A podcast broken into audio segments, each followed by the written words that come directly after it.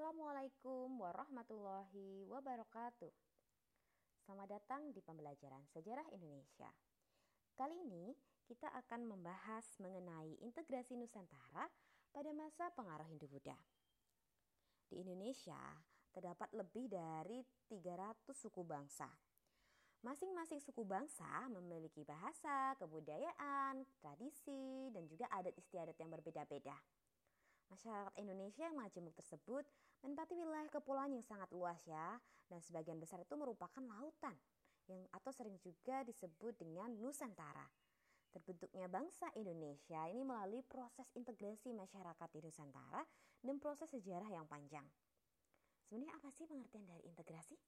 Nah, Integrasi itu mengandung pengertian penyatuan unsur-unsur yang berbeda menjadi satu kebulatan atau keterpaduan yang utuh.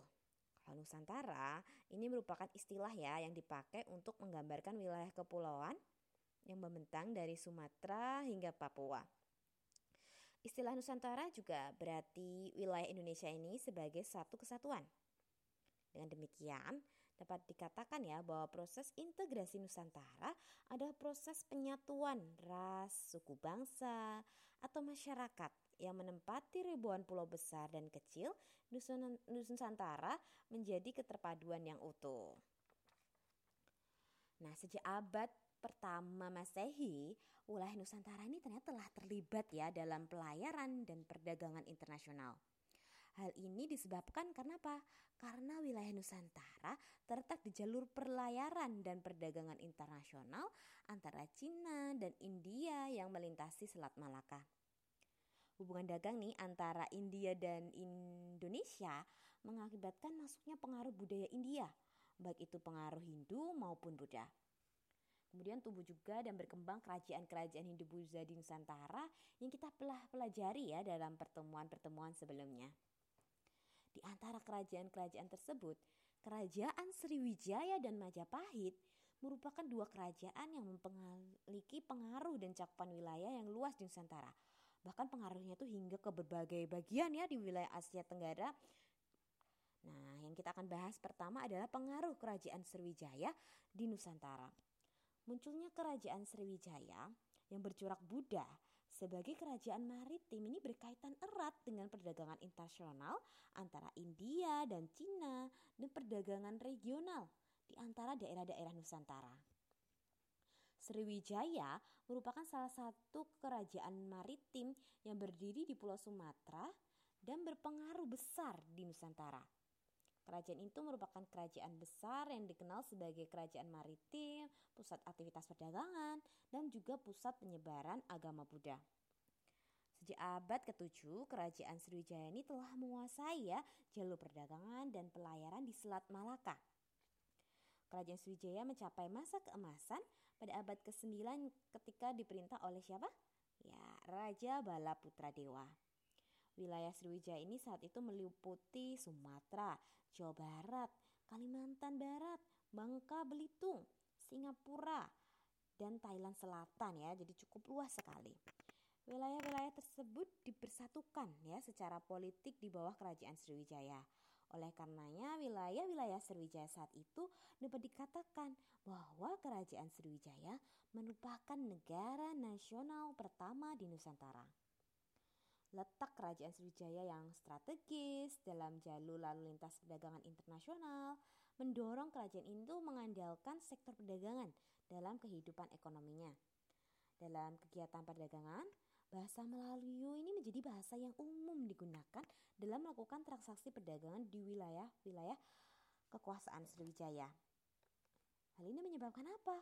Menyebabkan bahasa Melayu menjadi lingua franca atau bahasa penghubung di Kepulauan Nusantara sejak berabad-abad yang lalu. Nah, penggunaan bahasa Melayu yang kemudian semakin luas ya menyebar ke berbagai pelosok Nusantara pada zaman-zaman kerajaan Islam. Hal ini karena bahasa Melayu juga dipergunakan sebagai bahasa pengantar dalam penyebaran Islam. Penyebaran Islam juga berpengaruh terhadap bahasa Melayu baik kosakata, struktur kalimat maupun tulisan. Selanjutnya kita bahas pengaruh kerajaan Singosari dan Majapahit di Nusantara. Singosari dan Majapahit ini merupakan dua kerajaan yang terletak di Pulau Jawa yang mempunyai cita-cita untuk mempersatukan Nusantara. Ini berbagai upaya nih mereka lakukan untuk mengintegrasikan daerah-daerah di luar wilayah inti kerajaannya menjadi wilayahnya. Nah, kita bahas yuk perjuangan mempersatukan Nusantara pada masa kerajaan Singosari. Nah, Kertanegara, yaitu oleh Raja di Singosari, ini mencetuskan ide untuk mempersatukan Nusantara sebagai satu kesatuan geopolitik. Pada waktu itu, konsep Nusantara itu dikenal dengan sebutan Cakrawala Mandala Dwi Pantara. Istilah Dwi Pantara adalah kata dalam bahasa Sangkerta untuk kepulauan antara yang maknanya sama persis dengan Nusantara. Karena Dwipa berarti Nusa yang bermakna pulau, Kertanagara adalah raja terakhir dan raja terbesar dalam kerajaan Singosari ya, yang pertama kali mempunyai gagasan untuk memperluas wilayah ke seluruh Jawa, kemudian dilanjutkan dengan mempersatukan seluruh wilayah Nusantara di bawah Singosari. Jadi gagasan Kertanegara ini berbenturan dengan ambisi Kubulekan. Itu Raja Mongol dari dinasti Juan di Tiongkok, China. Karena Kubulekan ini berambisi besar untuk memperluas wilayahnya ke berbagai penjuru negeri Asia, termasuk di antaranya Pulau Jawa. Sehubungan dengan gagasan persatuan Nusantara, Kertanegara ini melaksanakan kebijakan-kebijakan politik. Antaranya lain adalah sebagai berikut ya. Yang pertama adalah melaksanakan ekspedisi Pamalayu yang terjadi di tahun 1275 dan 1286 Masehi untuk menjalin hubungan diplomatik dengan kerajaan Melayu dan menghadang kedatangan dari tentara Tartar dari Tiongkok tadi yang dikirim oleh Kublai Khan. Kemudian menggalang persaudaraan dengan kerajaan Campa dengan cara melakukan pernikahan politik, yaitu pernikahan pun antara putrinya Dewi Tapasi dengan Raja Campa. Kemudian menguasai Bali di tahun 1284 Masehi, kemudian di Jawa Barat 1298 Masehi serta Pahang dan Tanjung Pura.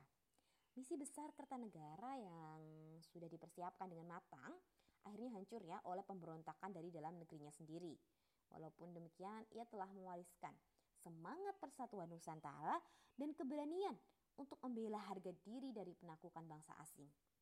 Semangat inilah yang nantinya akan memberikan inspirasi kepada Mahapati Gajah Mada untuk mewujudkan persatuan Nusantara di bawah kekuasaan Majapahit melalui Sumpah Palapa. Sini kita bahas perjuangan mempersatukan Nusantara pada masa kerajaan Majapahit. Upaya mempersatukan Nusantara pada masa kerajaan Majapahit ini dapat dilepaskan dari tokoh Gajah Mada. Di keberhasilan Gajah Mada memimpin pasukan dalam menumpas berbagai pemberontakan, menyebabkan dirinya ini diberi kepercayaan nih sebagai Mahapati Kerajaan Majapahit oleh Ratu Tribuana Tunggadewi. Pada acara pelantikannya sebagai Mahapati Majapahit, Gajah Mada mengucapkan sumpah yang dikenal dengan Sumpah Palapa.